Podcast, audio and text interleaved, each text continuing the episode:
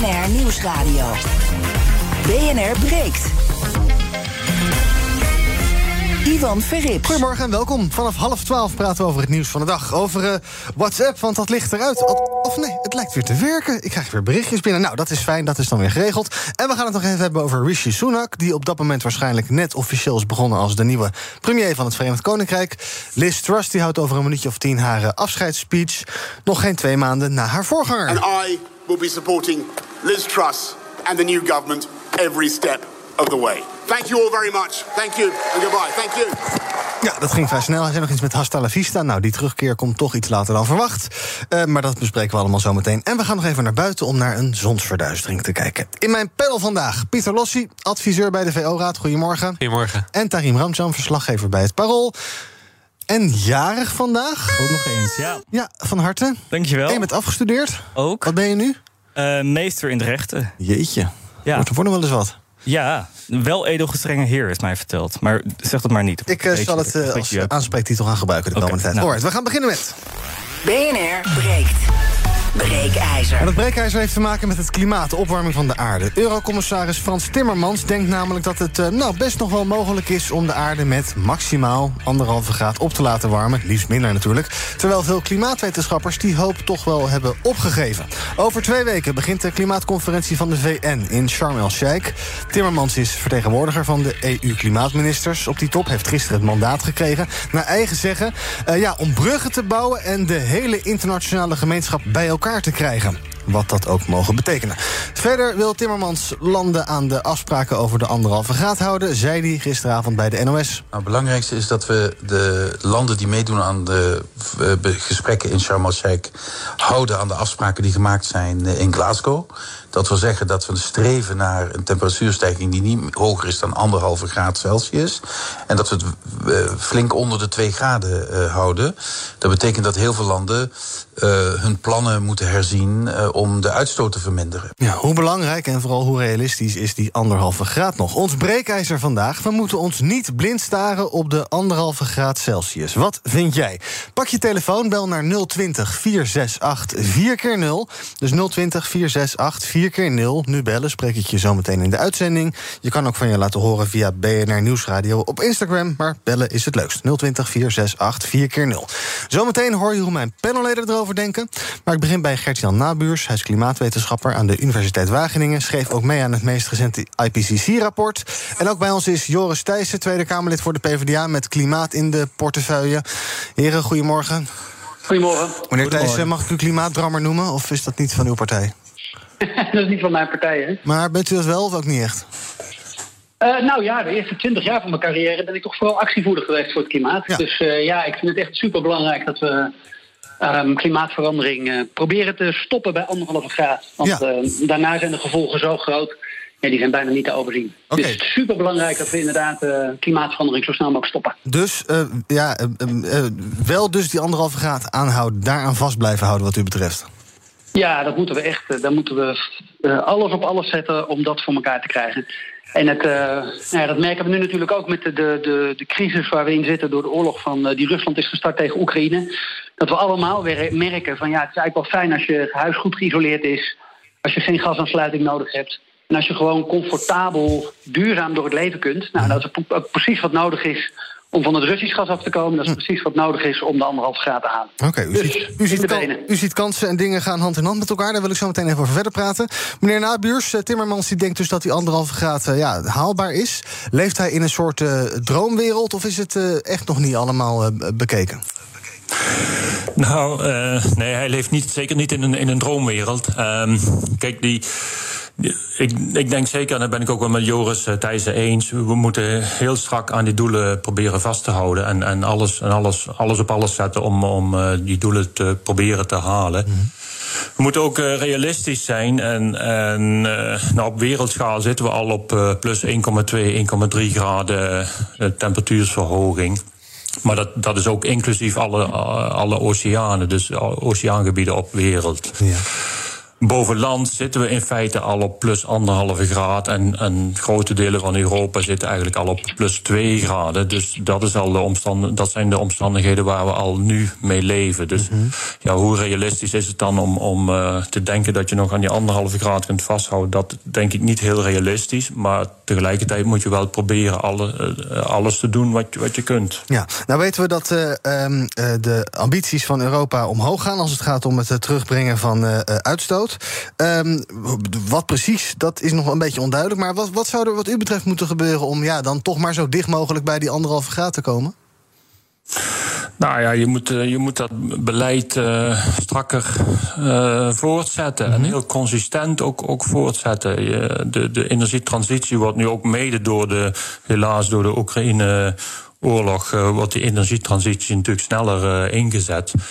En dat, ja, je moet, je moet daar heel consistent uh, op, op aan door blijven werken. Dus dat is inzetten op zon en wind. Ook een stukje biomassa hoort daarbij.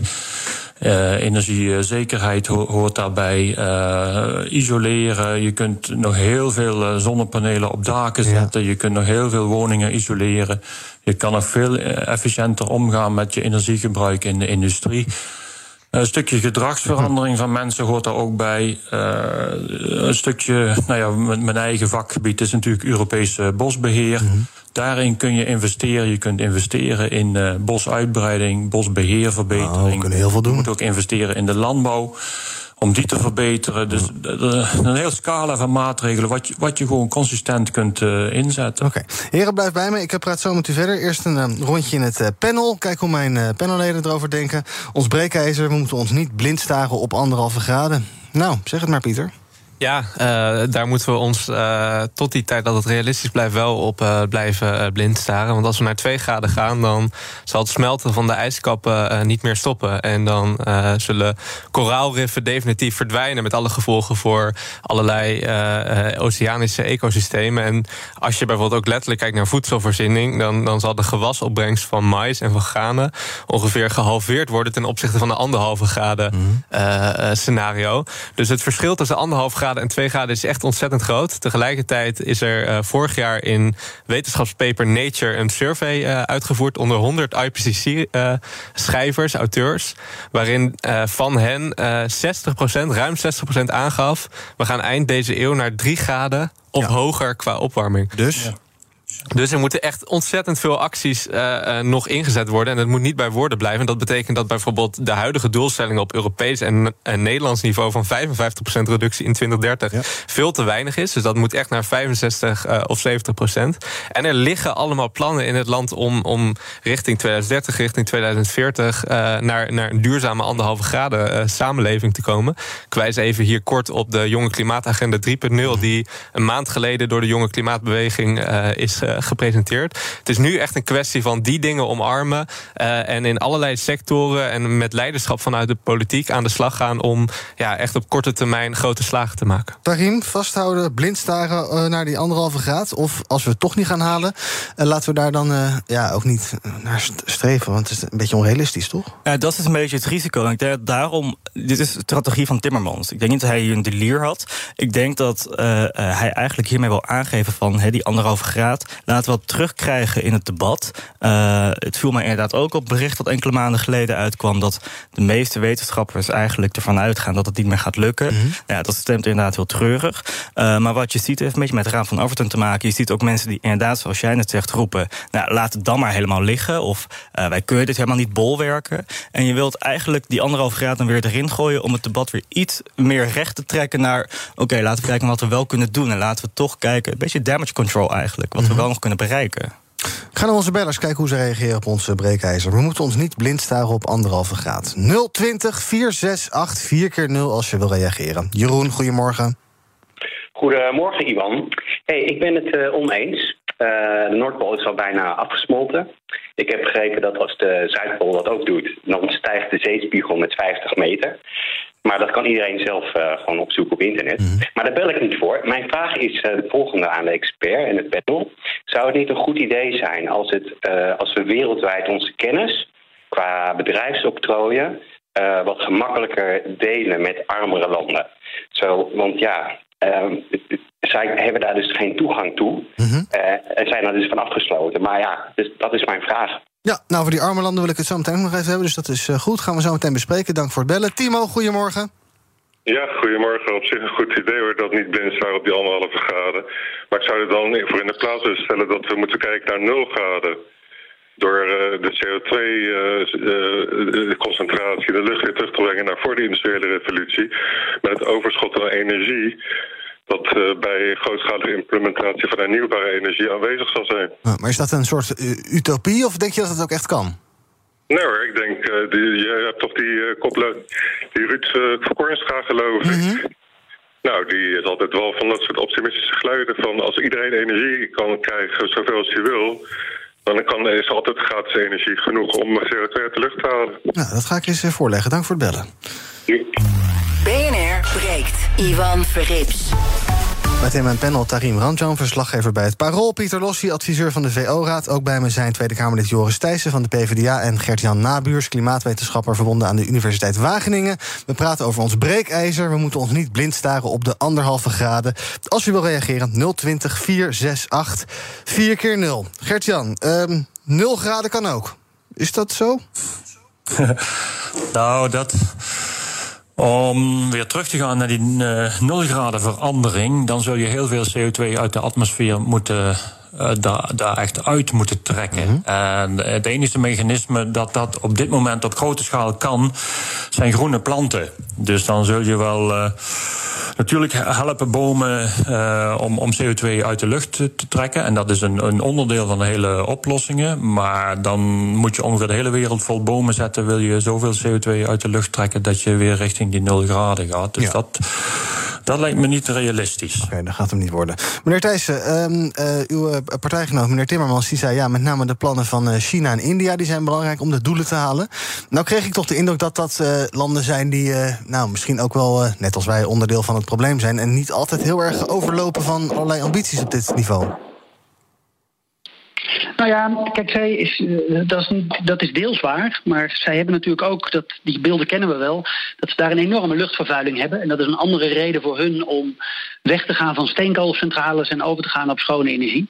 Maar het klopt dat zowel Europa als Amerika, als ook de grote vervuilers China en India eigenlijk een stap extra moeten zetten om die anderhalve graad nog binnen bereik te houden. En daarom is het ook zo belangrijk dat Europa daarin voorop gaat en zegt, nou, in Glasgow zijn we geweest toen was wat er op tafel lag niet genoeg. Hè. Daarom zeggen die IPCC-wetenschappers ook in meerderheid... we denken dat het einde van de eeuw drie graden wordt, niet anderhalve graad. En daarom is het heel belangrijk dat Europa een stap extra zet... en dat er dan ook druk komt te liggen bij China en bij India... om ook nog een extra stap te zetten. Een ander vraagstuk wat er besproken zal worden... is dat uh, kwetsbare ontwikkelingslanden aan rijkere landen hebben gevraagd... om een uh, ja, bijdrage te leveren voor de geleden klimaatschade. Want juist die ontwikkelingslanden die lijden daar het meeste onder. Dat is heel lang van de agenda gehouden. Onder andere door de EU, onder andere door Amerika. Maar nu zegt klima klimaatminister Jette... nou, daar willen we toch wel eens over gaan praten. Uh, is dat uh, goed nieuws, meneer Thijssen? Ja, dat is heel erg belangrijk. Want um, nou, we hebben dat bijvoorbeeld gezien in Pakistan afgelopen zomer. Enorme overstromingen. Ja. Um, miljarden, tientallen miljarden schade. En Pakistan die zegt dan terecht, ja joh, um, ja, dit, dit komt deel, onder andere door klimaatverandering. En wij hebben nog geen procent bijgedragen aan het wereldwijde klimaatprobleem. Mm -hmm. Dus mogen de landen die dat wel hebben veroorzaakt... ons helpen om dit verlies en deze schade te vergoeden. Ja. Nou, dat, dat maar dat gaat ons honderden, honderden miljarden kosten. Dat gesprek heb ik ook gehad met klimaatminister Jetter. Um, en ik heb gezegd van ja, uh, om nou echt een front te vormen als EU met de ontwikkelingslanden richting China en India, om daar echt druk op te zetten, moet je nu over de brug komen. En moet je zeggen, nou ik snap dat er verlies en schade is, dat moeten we gaan vormgeven, maar ja, ik, ik snap wel dat daar iets moet gebeuren en dat we misschien ook al met geld over de brug moeten komen. Ja, maar dat, nou, dat weigert minister Jette tot nu toe. Dus daarom gaat het een hele moeizame top worden in Sharm el-Sheikh, omdat ja, die ontwikkelingslanden die zien gewoon iedere dag wat klimaatverandering voor hun betekent. En die zeggen, ja, wij willen geholpen worden om van de fossiele brandstoffen af te gaan, maar we willen ook geholpen worden om iets te doen aan dat verlies en die schade die we nu al ondervinden. Ja, dus het, moet wel, het moeten wel constructieve geldstromen zijn. Niet alleen onze ellende opruimen, maar uh, zorgen dat we er minder ellende aanrichten. Ja, dus het ja. Moet, we moeten klimaatverandering stoppen. Daar doet Jette niet genoeg voor. We moeten ze helpen om zich aan te passen aan de gevolgen van klimaatverandering. Dat heet adaptatie. En nu gaat het dus ook in Sharm el-Sheikh over compensatie... omdat ze nu al schade ondervinden van klimaatverandering. Wat vindt u, meneer Nabuurs? Is dat een goed idee?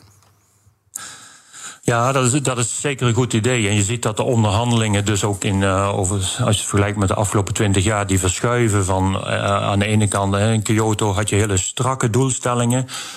In Parijs werden het, het wat vagere doelstellingen van, van de plus 2 graden maximaal, met, met waarbij landen zelf hun, hun, uh, hun doelstellingen zelf mogen opzetten. Mm -hmm. Nou, nu eigenlijk al accepteren dat klimaatverandering er is en dat die schade betaald moet worden.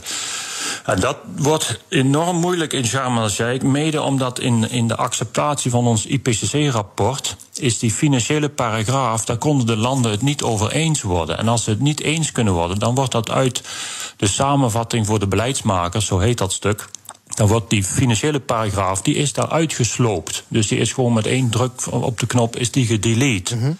En daarmee is er eigenlijk geen basis voor de onderhandelingen in Sharm el-Sheikh. Voor, voor juist dit, uh, dit financiële stuk. En dus ja, de, dat, uh, dat stemt niet, uh, niet al te positief. Nee, ik hoor eigenlijk dus twee heren die hier niet heel veel vertrouwen hebben in wat er in Sharm el-Sheikh gebeurt. Pieter, jij wel? Nou ja, hoe, hoe raar is het trouwens dat Timmermans daar zit namens alle EU-landen? Waarom is dat logisch dat hij, dat hij namens het hele blok onderhandelt? Nou ja, als wij in, in Nederland broeikasgas uitstoten, dan heeft dat uh, gevolg voor alle ja. landen in de wereld. En dus is het logisch dat je dit uh, collectieve probleem ook uh, collectief probeert aan te pakken. De vraag is wel natuurlijk zeker nu ook met de energiecrisis of er voldoende druk op de ketel is om nu echt stappen te gaan zetten. En zeker als je kijkt naar de afspraken die bijvoorbeeld in Glasgow ook gemaakt zijn, als het gaat over het stoppen van internationale financiering en investeringen in, in, in fossiel, dan is echt nog maar de vraag of landen voldoende uh, in staat uh, uh, zijn, actie ondernemen om ook echt werkelijk uitvoering te geven aan de afspraken die eerder op allerlei verschillende kop zijn gemaakt. Mm. En, en dan op het moment dat dat niet gebeurt en het wel steeds leuk blijft bij, bij een feestje en we zijn de wereld aan het redden, dan, dan moet je toch bijna spreken van een greenwashing evenement. Dus laten we alsjeblieft hopen dat Timmermans en de, en de hele delegatie en ook jongeren die vanuit Nederland meegaan er echt voor zorgen dat we concrete stappen gaan zetten waar we ook echt uh, uitvoering aan gaan geven. Ik begrijp dat er niet zoveel ruimte is om te demonstreren daar. Dat dat allemaal een beetje ja, wordt nee. uh, neergedrukt. Ja, dus, ja. Dus, dus, dat is problematisch. Want juist zo'n grote crisis vereist dat er ook groot democratisch gehalte is. Ja. omdat het hier gaat over ontzettend grote belangen en ook grote kosten voor heel veel mensen. Dus dan mag je toch hopen inderdaad dat er ook bij dit soort evenementen voldoende vrijheid is om ja, je demonstratie recht die daar natuurlijk minder geldt uh, te uiten. Tarim, Rusland heeft gezegd dat zij ook aanwezig zullen zijn daar. De EU heeft dan weer laten weten dat ze niet met Rusland willen praten. Uiteraard door de oorlog in Oekraïne. Is dat een verstandige beslissing, denk je? Dat je zegt, uh, jij staat nu even buitenspel? Of moet je op dit soort onderwerpen wel blijven praten, ook al zijn het niet je vrienden? Ik denk dat het goed is om daar wel een vuist tegen te maken. Ook terugkomend op je eerdere vraag van, nou ja, wat, wat betekent het nou dat Timmermans daarna namens de hele EU zit? Ik denk dat je niet anders kan besluiten dan dat te doen. Uh, zeker met alle sabotage ook die we hebben gezien de afgelopen maanden vanuit de Russische kant als het gaat om onze energievoorziening. Uh, waar ik toch nog op wil terugkomen is het idee van de eerste beller, waarvan ik denk, ja, dat, dat is een goed idee. Het moet ook en-en zijn. Dus je moet ervoor zorgen, die financiële compensatie zou een kickstart kunnen zijn voor opkomende economieën. Om inderdaad ervoor te zorgen, om hen inderdaad te compenseren voor uh, de rampen die zij daar uh, zien, zoals overstroming in Pakistan inderdaad, zoals genoemd. Uh, maar ook om ervoor te zorgen dat zij af kunnen van die fossiele energie. Maar dan moet je ook ervoor zorgen dat je kennis kunt delen. het zijn uiteindelijk toch armere economieën die, van wie je niet kunt verwachten dat het zomaar uit het niets gebeurt. Nee. En waar we toch echt stukken afhankelijker, afhankelijker van gaan worden. Dus ook kennis delen. Chris, goedemorgen. Ja, goedemorgen. Hallo, hallo, hallo. Zeg het maar, hallo, hallo. Uh, ja, ik heb iemand net een hele lijst horen opsommen van mogelijke uh, punten die bijdragen aan het oplossen van dan deze ellendige klimaatontwikkeling. Mm -hmm. En dat wij tot anderhalve graad maximaal kunnen klimmen staat vast als een huis. Want als we er overheen gaan, dan wordt het helemaal feest, zou ik maar zeggen. Dus ik ben absoluut tegen verhoging. Maar waarom wordt nooit nucleaire energie genoemd? En waarom niet een nieuwe vorm van nucleaire energie, thorium? Dat is een geheel vrije energievorm die eigenlijk gewoon schadeloos is in kleine schaal geleverd kan worden. Bij Tata Steel zou je bijvoorbeeld zo'n centrale kunnen zetten. En dan heb je daarmee gewoon feest. En waarom doet Nederland daar niet veel meer aan? Dat zijn mijn vragen aan de deskundigen. Ga ik dat uh, even vragen aan de wetenschapper en de politicus? Een thoriumreactor, meneer Nabuurs, goed idee? Om uh, ja, uh, uitstoten tegen te houden? nou, ik, ik, ben geen geen kenner van uh, thoriumreactoren, maar ik meen dat dat nog erg in de kinderschoenen staat. Maar kernenergie is denk ik wel uh, een onderdeel van je hele palet van, uh, van energievoorziening. En ja. zul je daar toch weer eens eens wat, uh, wat meer naar moeten gaan kijken. Ja, wordt ook aan gewerkt in het coalitieakkoord. Meneer Thijssen, goed idee? Ja. Nou, kijk, um, we hebben net een rapport gehad in opdracht van het ministerie van EZK. Die zei dat er een kerncentrale in Nederland niet voor 2035 staat. En de komende 13 jaar moeten we echt gebruiken om die CO2-reductie zo snel mogelijk voor elkaar te krijgen. En niet tijd verspillen aan kerncentrales. Want het duurt gewoon te lang en het is ook nog verschrikkelijk duur. Dus waar ik het liever over heb, is een rapport van TNO van afgelopen week. Die zei het isoleren van woningen, vooral slecht geïsoleerde woningen. Als de overheid daar proactiever wordt, dan kunnen we daar veel sneller, veel meer meters maken. En dan zitten mensen in een goed geïsoleerd huis met veel minder of geen gas meer. En dat zijn de gesprekken die we moeten hebben. Dat we gewoon echt straat, af, straat naar straat gaan. En dat de overheid daar alles op alles zet. In plaats van nog meer tijd verspillen aan kernenergie. Twee vragen nog. Meneer Nabuur, stel het wordt niet die anderhalve graad. Dat redden we niet. Maar het wordt 1,7 of 1,8. Hoeveel maakt zo'n 0,1% verschilletje uit? Nou, ik denk dat als we het kunnen, kunnen afremmen op 1,7, 1,8 graad, dat we dan uh, heel blij uh, mogen zijn. Want we zitten nu uh, rechtstreeks op dat pad richting de 3 graden. Dus mhm. als, het, als we het daarmee redden, dan, dan denk ik dat, dat het inderdaad wel heel leefbaar blijft. En dan zullen ontwikkelingslanden zeker heel veel steun en, en ondersteuning moeten hebben om, om aan te passen. Maar dat we dan eh, met 1,7 graden mogen ons in de handen knijpen. En tot slot, meneer Thijssen, wanneer bent u tevreden met meneer Timmermans? Wat moet hij er uitslepen of waarmee moet hij terugkomen? Dat u zegt van ja, dat is nou een lekker succesje. Nou, ik denk dat het gesprek over de anderhalve graad moet gevoerd blijven worden. En we moeten blijven erkennen met elkaar dat wat er nu ligt nog niet genoeg is. Dus het mag niet, zoals iemand zei, een greenwash worden. Dat we mhm. doen alsof, we, alsof het goed gaat, terwijl het gewoon nog niet zo is. Dus we moeten echt wel gewoon blijven. Die druk moet erop blijven. En het zou echt heel goed zijn als er een doorbraak komt over dat schade en verlies. En dat ontwikkelingslanden echt te horen krijgen vanuit de EU. Wij willen daar meters op maken. We zijn daar bloedserieus over. Zodat we dan samen met de ontwikkelingslanden kunnen optrekken om Amerika en India en China uh, ja, meer uit te dagen om inderdaad meer stappen te zetten. Ja, Anders dan gaan we het anderhalve graad niet halen. En wat verwacht u dan dus van meneer Timmermans? Nou, dat hij dat even regelt. Ja, hij praat dan namens het grootste economische blok van de wereld. En uh, ja, dus is het heel belangrijk dat hij blijft zeggen: dit is nog niet genoeg we moeten volgend jaar met nog meer plannen terugkomen. En ik vind dat hij een gebaar moet maken om uh, uh, toch ook stappen te zetten op schade en verlies. Omdat dat is wat ontwikkelingslanden nu nodig hebben. We gaan het volgen over twee weken. Veel dank, PvdA-kamerlid Joris Thijssen... en Gert-Jan Nabuurs, klimaatwetenschapper aan de Wageningen Universiteit. Op Instagram is 55% het eens met ons breekijzer. We moeten ons niet blind staren op anderhalf procent. Of als je het andersom wil zeggen, 45% is het oneens. Um, zometeen gaan we doorpraten met uh, mijn panelleden... met Tarim en Pieter over het uh, nieuws van de dag... over een nieuwe premier van het Verenigd Koninkrijk. Alweer de derde in zeven weken. Rishi Sunak die kan uh, elk moment worden geïnstalleerd. En dan hebben we ook nog een speech afgelopen kwartier gehad van mevrouw Liz. Gaan we nog even naar luisteren zometeen. En dan is er ook nog een gedeeltelijke zonsverduistering gaande. Als ik zo naar buiten kijk, heb ik nog niet het idee dat het veel donkerder is dan normaal. Maar we gaan zo meteen even buiten kijken. Zometeen bij BNR Breek. Tot zo. Eneco Klimaatreport van deze week komt uit Amsterdam. Ik ben Pascal en ik sta hier met de oprichter van Wikkelhuis op de werkplaats. Oep, wat zie ik hier? Ja, je ziet allemaal huisjes. En welke rol speelt energie-efficiëntie in jullie ontwerp- en bouwproces? We bouwen alleen maar met hernieuwbare materialen. Maar het leukste is dat we eigenlijk uh, zonne-energie gebruiken voor onze elektriciteit. We hebben duizend zonnepanelen op ons dak van de werkplaats. Duizend zonnepanelen, dat zijn er een hoop. Ik kan me voorstellen dat er veel stroom vanaf komt. Ja, er komt een enorme bak met stroom uit. En soms in de zomer is dat ook te veel. En daarom werken we samen met uh, Eneco, met het uh, opwek optimaal systeem. En wat doet dat systeem? Een soort dimmer. Dat als er te veel stroom is, dat je dat zeg maar wat terug reguleert, zodat er geen netcongestie ontstaat. Want dan zou alles vast vastlopen. Uh, juist de balans op het energienetwerk. Ja, precies. En zo werkt Wikkelhuis samen met Eneco aan klimaatambities. Is het ook iets voor jouw bedrijf? Check dan eneco.nl slash klimaatambities.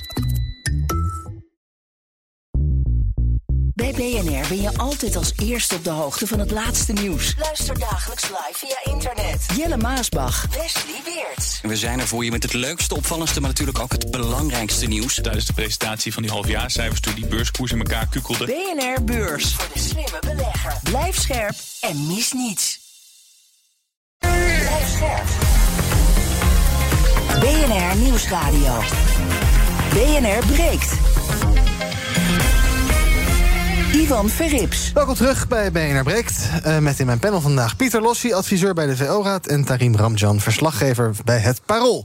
Nou, ongeveer nu, ergens in de komende minuten... zou uh, Rishi Sunak uh, benoemd moeten worden tot premier van het Verenigd Koninkrijk. Hij wordt dan gevraagd door de koning om die rol op zich te nemen.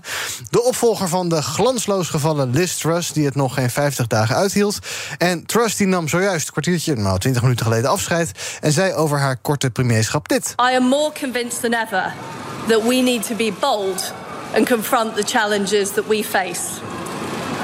As the Roman philosopher Seneca wrote, it's not because things are difficult that we do not dare, it's because we do not dare that they are difficult. Zo, zo, het wordt nog doordacht. Nu dus Rishi Sunak met zijn 42 jaar de jongste premier in 200 jaar. De eerste persoon van kleur als prime minister, de eerste hindoe. En hij is ook nog eens steenrijk, rijker dan de koning.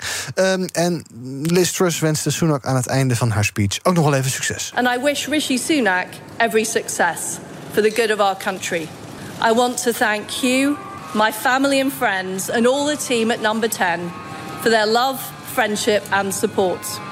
Our country continues to battle through a storm. But I believe in Britain. I believe in the British people. And I know that brighter days lie ahead. Thank you.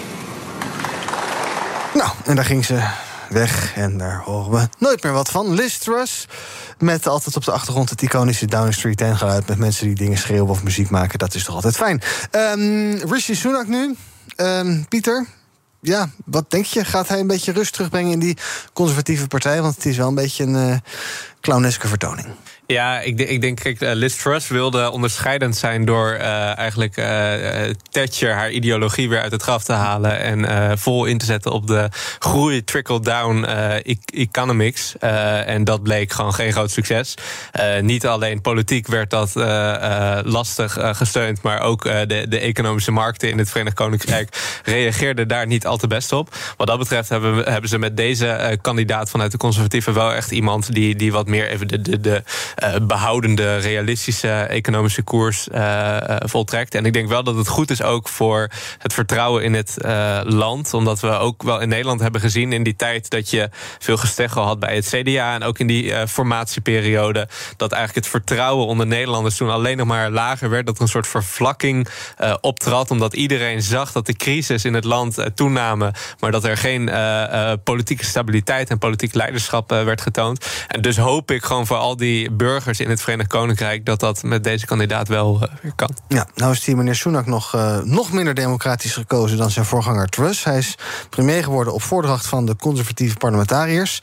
Ja, zo werkt dat daar. Als partij heb je dan de macht en dan lever je dus de, de premier. En hoe, dat, hoe die aan de macht komt, dat maakt niet zoveel uit. Ik zag wel in de populaire kranten uh, vandaag koppen als Who Voted for You? En ook Death of Democracy. Het is wel een beetje gek hè, dat er nu een PM is waar niemand op gestemd heeft. Gestemd heeft. Denk dat het goed is dat ze daar een keer een gesprek over voeren. Want je moet altijd wel kritisch tegen het licht houden hoe je dat hebt geregeld, het land. Het Verenigd Koninkrijk is natuurlijk ook een land dat enorm veel waarde hecht aan tradities. En dat, dat hebben we natuurlijk nu gezien, ook uh, rondom het overlijden van de koningin. Um, wat Sunak denk ik wel mee heeft, is toch een zekere charme. Um, ik was aanvankelijk ook helemaal gecharmeerd van die man. Eerste premier van kleur, uh, van Indiaanse afkomst. Uh, en er was ook een hele mooie reportage in NRC... een paar maanden geleden alweer... toen hij nog mee deed in die leiderschapsstrijd van... nou ja, het is voor Indiërs in Britten... en het zijn er heel veel, ook wel een soort toonbeeld van... kijk, zover kun je dus komen. en dan vergeet je dus wel even dat die man een geschat vermogen heeft... van ik geloof 730 miljoen pond. Ja. Hij heeft op zijn eigen landgoed een sportschool, yogastudio, tennisbaan en bioscoop. Um, en hij had een, uh, uh, heeft schade aan zijn tanden, aan zijn gebit, omdat hij een Coca-Cola-verslaving had in zijn jeugd. Maar nu heeft hij intussen wel genoeg geld om naar de tandarts te gaan. Dus ja, dat is wel heel of een nieuw gebit te kopen. Of, een nieuw elke dag een nieuw gebit te kopen. Of een ja. nieuwe tandarts te kopen. Ja, een eigen privé-tandarts te hebben. Ja, maar wat zegt dat jou? Dat het toch niet helemaal geloofwaardig is of zo? Of? Nou ja, wat in het Verenigd Koninkrijk nu enorm speelt, is de cost of living crisis. Ja. Uh, dus heel veel. ja, dat merkt hij niet. Dat, nou ja, exact. En ik vraag me toch af, zeker omdat inderdaad het, het beleid van, ik wil zeggen Thatcher, maar trust niet, niet heeft gewerkt. Uh, vraag ik me af hoe hij dit gaat doen. En we zagen het eigenlijk ook bij de minister van Financiën van Trust, Kwasi Kwarteng. Zelfde type jongen, een beetje gladde jongen. Ehm, heel hoog opgeleid, maar ook het daarvoor betaald. ook tamelijk rijk. Ja. ik vraag me af hoe Sunak die binding gaat voelen proberen te voelen met Britten aan de onderkant van de samenleving. En ik geloof ook dat de onderkant van de samenleving daar is ook echt aan de onderkant. Ja, en of hij dat dus eigenlijk wel, dus wel kan. Misschien is het geen eens onwil, maar dat hij het gewoon niet kan. Wat denk jij, Pieter? Is, er, is dat een terecht risico? Snapt deze, ik geloof samen met zijn vrouw dat ze een miljard hebben? Nou, Onvoorstelbaar. Kan je je dan verplaatsen in wat mensen in de achterbuurt meemaken? Ja, dat, dat is een beetje de vraag. Dat, dat gaat over uh, het fenomeen van uh, gyroscopische vertegenwoordiging. Dus dat jij vanuit eenzelfde omgeving, met, met dezelfde waarden, met dezelfde soort opvoeding, uh, alleen in staat zou zijn om ook de mensen met een soort gelijke omgeving en met dezelfde waarden te kunnen vertegenwoordigen. er is voldoende empirisch onderzoek, politicologisch onderzoek, waaruit blijkt dat dat niet per se nodig is. dus dat betekent ook dat deze man in staat zou kunnen zijn door echt goed te luisteren, door echt met met een hoog EQ goed in te leven, tot beleid te komen, wat, wat gedragen wordt ook uh, door, door het volk. Vraag is inderdaad wel of hij daar voldoende toe in staat is vanuit zijn inderdaad beperkte beleefwereld. Hij, heeft ook, hij is opgegroeid uh, vanuit allerlei privéscholen. Dus hij is, in zijn hele leven heeft hij eigenlijk alleen nog maar uh, vrienden gehad en, en naast vanuit echt de, de upper class.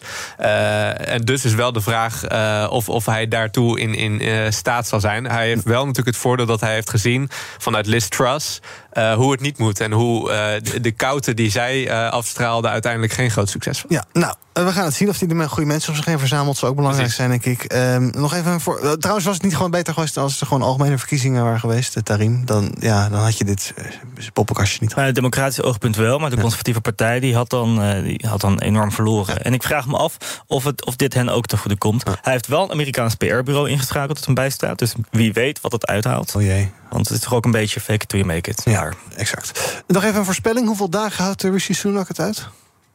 Oeh, ik denk, uh, ik denk wel tot de volgende verkiezingen. Oh, oké.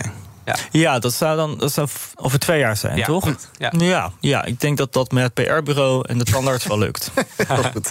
Ander nieuws dan. Meer dan 100 strafrechtadvocaten zijn met een brandbrief gekomen. Ze maken zich zorgen om uh, nieuwe opsporingsmethoden van het OM... waarbij het recht op een eerlijk proces en privacy onder druk zouden staan. Het gaat dan onder andere om de werkwijze bij het aftappen en hacken... van versleutelde berichten en communicatiediensten. Met het aftappen van die communicatie... Uh, dat speelt tegenwoordig een hele belangrijke rol in allerlei strafzaken we kennen hele chatdiensten en uh, ja, telefoonsystemen van criminelen die gehackt zijn en waar allerlei ja, zaken eigenlijk op draaien. En um, nou, Tarim nu ook dus af, wel edel gestrenge heer Ramjan, nu ook afgestudeerd jurist. Dus ik begin toch maar even bij jou. Uh, ja, al die nieuwigheden is natuurlijk heel goed en onmisbaar voor het OM, denk ik. Maar ook een zorgelijk ding, want we weten eigenlijk niet wat er achter de schermen gebeurt. Hoe al die berichten worden gehackt, waar ze vandaan komen, hoe dat werkt, hoe dat juridisch allemaal zit. Ja, ik kan het wel een beetje uitleggen met het risico risico dat je hier acuut droog van wordt. Maar um, wat wel een probleem is, is dat bijvoorbeeld één berichtendienst die is gekraakt, EncroChat. Dat is gedaan door de opsporingsdiensten in Frankrijk. En dat mag dan niet uh, onderzocht worden eigenlijk... van hoe dat nou is gebeurd, tot in detail... door ons, uh, onze rechter. Omdat we dan ervan uitgaan dat de Franse uh, opsporingsdienst... dat op de goede manier hebben gedaan, legaal hebben gedaan. Mm -hmm. um, en vanuit het oogpunt van de verdediging van de advocaten... is het natuurlijk heel gerechtvaardigd om te vragen van... goh, hoe werkt dat nou?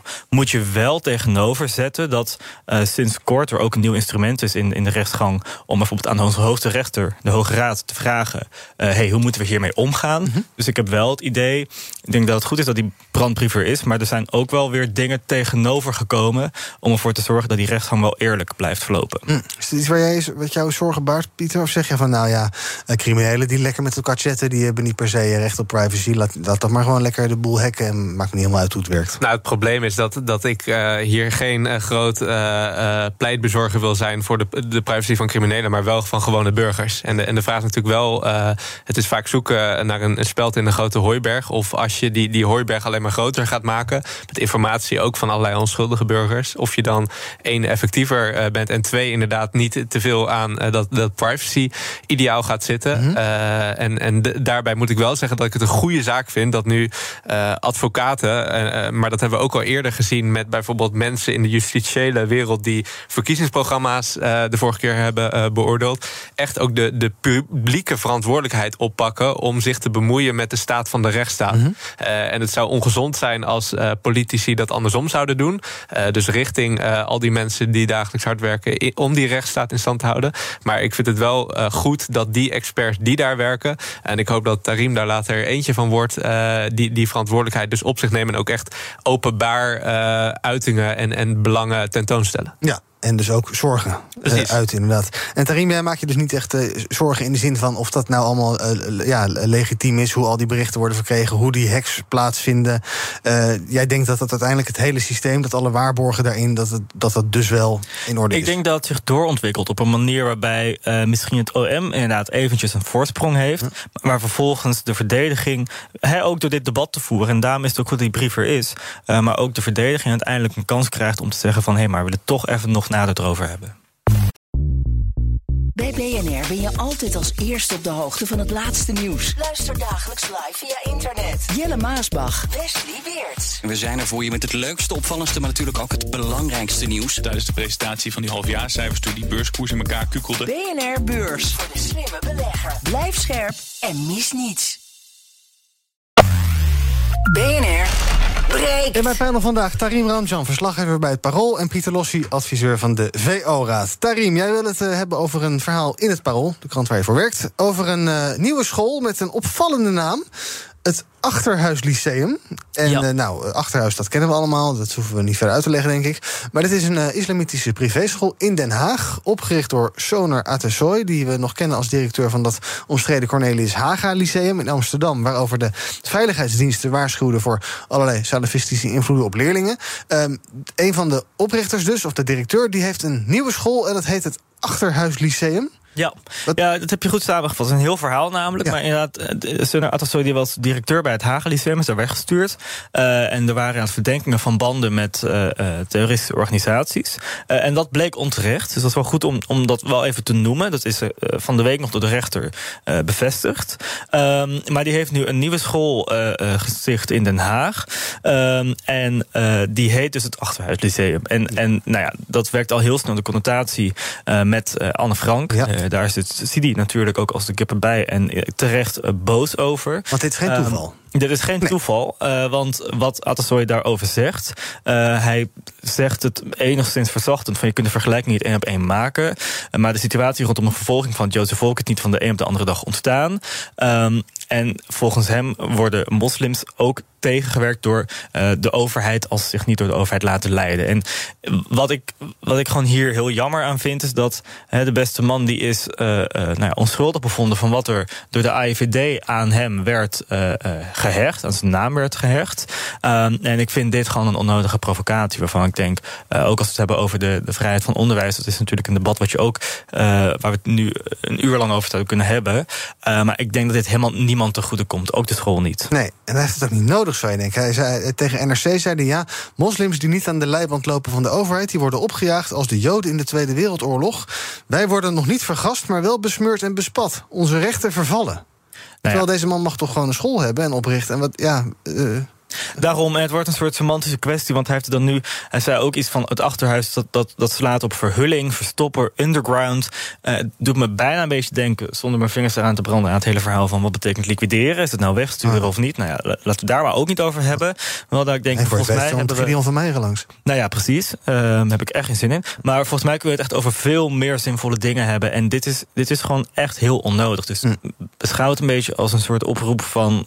Weet je, provoceer nou niet onnodig om die, pro, of die polarisatie verder te vergroten. Daar, dat wil denk ik helemaal niemand. Nee. Rita Verdonk, ook niet uh, vies van enige provocatie, is tegenwoordig gemeenteraadslid in Den Haag. Die wil de school zo snel mogelijk laten opheffen. Is dat een verstandig idee, Pieter? Als je, als, als je dit, dit je naam al is en dit, die verklaring ook. Ja, de, nou, dat, normaal. dat is afhankelijk van procedures. In principe uh, hebben mensen die grondwettelijke vrijheid om nou, uh, scholen dus op te richten, mits voldoende handtekeningen vanuit ouders hebben, procedures zijn doorlopen eh, zich committeren aan een inspectiekader, uh, et cetera. Mhm. Daarbij geldt wel dat ik alle leerlingen, dus ook in Den Haag, het ontzettend gun om met een open vizier zich te ontwikkelen en, en groot te worden. En de vraag is wel, zeker met zo'n privéschool, waar dus al natuurlijk een bepaalde klasse op, zitten, op zit, maar straks ook echt met een heel duidelijk ideologisch kader, of die openheid voldoende wordt gewaarborgd. Goed, uh, we gaan kijken wat de trending is op de socials. Nou, bovenaan de lijstjes de afgelopen twee uur. Hashtag WhatsApp, hashtag WhatsApp down, hashtag WhatsApp storing. De laatste berichten zijn geloof ik dat die storing min of meer verholpen is. Ik kreeg alweer een berichtje binnen net, maar uh, ik weet niet of het al helemaal stabiel is. Maar dat lijkt weer de goede kant op te gaan, gelukkig. Ook trending de afgelopen 48 uur, hashtag FVD. En ook aanverwante hashtags, hashtag Merel Eck, rioolratten, Baudet, allemaal trending. Um, terug van weg geweest zijn de hashtags over de nieuwe ronde coronavaccinaties. Ik geloof dat iedereen geboren voor 2000 inmiddels een afspraak mag maken... als je dat wil voor zo'n herhaalprik. Maar dan zal je uh, zien dat het op, sociale media weer over gifprikken gaat... en dat soort teksten. Wel leuk is dat hashtag zonsverduistering trending is. Die is namelijk uh, nu gaande. Als je naar buiten kijkt, en dan vooral omhoog, want daar kan je dat zien... Uh, is daar een gedeeltelijke zonsverduistering aan het plaatsvinden. Die begon om acht minuten over elf.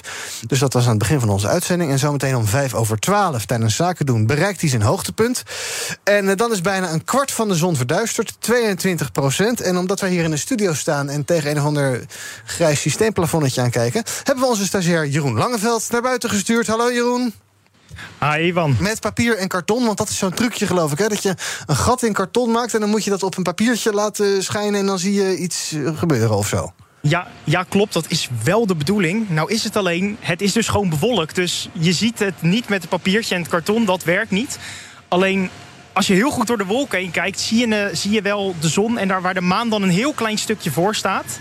Um, dus ja, je ziet het wel. En je kan eigenlijk nu er zelfs bijna helemaal recht naar kijken. Oké, okay, maar vertel je mij nu dat jij uh, zonder uh, bescherming vol in de zon aan het kijken bent? Want dat weet Ja, nou ja, ja? maar ja, maar kijk, je ziet de zon dus niet vol. Dat is dus het hele probleem. Want anders werkt dat plaatje. Maar het plaatje werkt niet. Oh. Oké, okay. maar je moet toch zo'n brilletje opdoen? Of desnoods door zo'n fotorolletje kijken, ja. wat ook al niet ideaal is. Maar jij stelt gewoon je, ja, je ogen ter beschikking voor je stage eigenlijk. Nou, daar lijkt het wel op. Maar ja, zeker gebruik gewoon, uh, als je zeker volle zon ziet, gebruik dan zeker zo'n brilletje. Ja. Dan kan je er heel erg mooi van genieten. Ja, maar ligt het nou aan jou dat het niet werkt met dat karton? Of is het gewoon een rare methode? Ik, uh, ik denk dat je echt volle zon nodig hebt. Ah, en dat, dat je het dan wel goed kan zien. Maar uh, ja, ik beschik niet over de volle zon helaas. Nee. Ik beschik eerder zelfs over regen. Oh ja. Nee, dat helpt ook niet. Oké, nou blijf nog even 10 minuten daar staan. Dan kom ik zo ook even kijken. Misschien dat we het alsnog uh, aan elkaar uh, uh, weten te lijmen en werkt het alsnog. Pieter, jij wilt het ook nog even over de zonsverduistering hebben, geloof ik. Wat ja, een beetje jammer dat het niet te zien is. Ja. maar ik dacht zeker voor alle BNR-luisteraars geldt... dat zij dagelijks geconfronteerd worden met allerlei ophef... over Forum voor Democratie, allerlei informatiechaos vanuit social media. Het, het drukke, gehaaste leven. Mhm. Mm -hmm. en ik denk dat, dat we in, die, in dat alledaagse leven... en in de ge gejaagdheid daarvan wel eens vergeten dat er meer is dan het drukke ik gevangen in een wereld van haast en ophef. Uh, en, en dat meer krijgt eigenlijk pas een beetje gestalte als we het, het groter geheel ervaren. Mm -hmm. de, de, nietigheid van, van ons bestaan. In de zin van wanneer is nou echt de, de, la, de laatste keer dat je gerealiseerd hebt dat we hier op een soort blauwe knikker in een heel groot heelal aan, het, aan het rondzweven zijn. Door al die ruis van alle dagen uh, krijg je dat gewoon minder mee. Uh, en ik denk op het moment dat je, en zeker met zo'n zonsverduistering, wat even weer laat zien wat een machtigheid uh, er is buiten deze blauwe knikker, buiten onze aardkloof. nou ja, dat, je, dat je dus weer realiseert dat er meer is dan het gesprek tussen jou en, en mij nu. En dat dat er ook toe leidt dat we andere keuzes gaan maken. Dus dat we met veel meer genegenheid bijvoorbeeld omgaan uh, met, met de bescherming van al het leven op aarde. Mm -hmm. uh, dus ik zou eigenlijk alle BNR-luisteraars willen oproepen. Straks, uh, over een paar minuten, is het toppunt van de zonsverduistering ja. bereikt. Ga even twee minuutjes van je pauze daarvoor gebruiken. Even je auto stilzetten om even in alle rust Niet en op ruimte... de vluchtstrook, gewoon op Niet op de vluchtstrook, ja, ergens okay. op een parkeerplaats. Ja. Te, te genieten van alles wat nog zoveel meer is dan de ophef over Gideon van Meijer uh, uh, om de dag. Jeroen, ik heb nog een tip voor je. Vertel. Kom naar binnen, kijk op YouTube, zijn streams, kan je het heel goed opzien. Dat lijkt me veel beter. Dank voor jullie aanwezigheid vandaag in BNR Breekt. Pieter Lossi, adviseur bij de VO-raad. En uh, Tarim Ramzan, verslaggever van het Parool en Jagen. Ga je het vieren? Um, al gedaan. Oh, was het leuk? Heel leuk. Heel goed. Nog een beetje brak. Oh, dat verklaart het. Hey, dank en graag tot de volgende keer. Zometeen dus Thomas van Zel met zaken doen. En ik ga snel naar buiten om uh, te kijken of dat nou nog lukt met dat karton en dergelijke. Of dat dat gewoon een soort fabeltje is waar we al jaren in trappen. Dat zou ook zomaar kunnen. Oké, tot morgen. Dag. Bij BNR ben je altijd als eerste op de hoogte van het laatste nieuws. Luister dagelijks live via internet. Jelle Maasbach, Wesley Weert. We zijn er voor je met het leukste, opvallendste, maar natuurlijk ook het belangrijkste nieuws. Tijdens de presentatie van die halfjaarcijfers toen die beurskoers in elkaar kukkelde. BNR Beurs. Voor de slimme belegger. Blijf scherp en mis niets.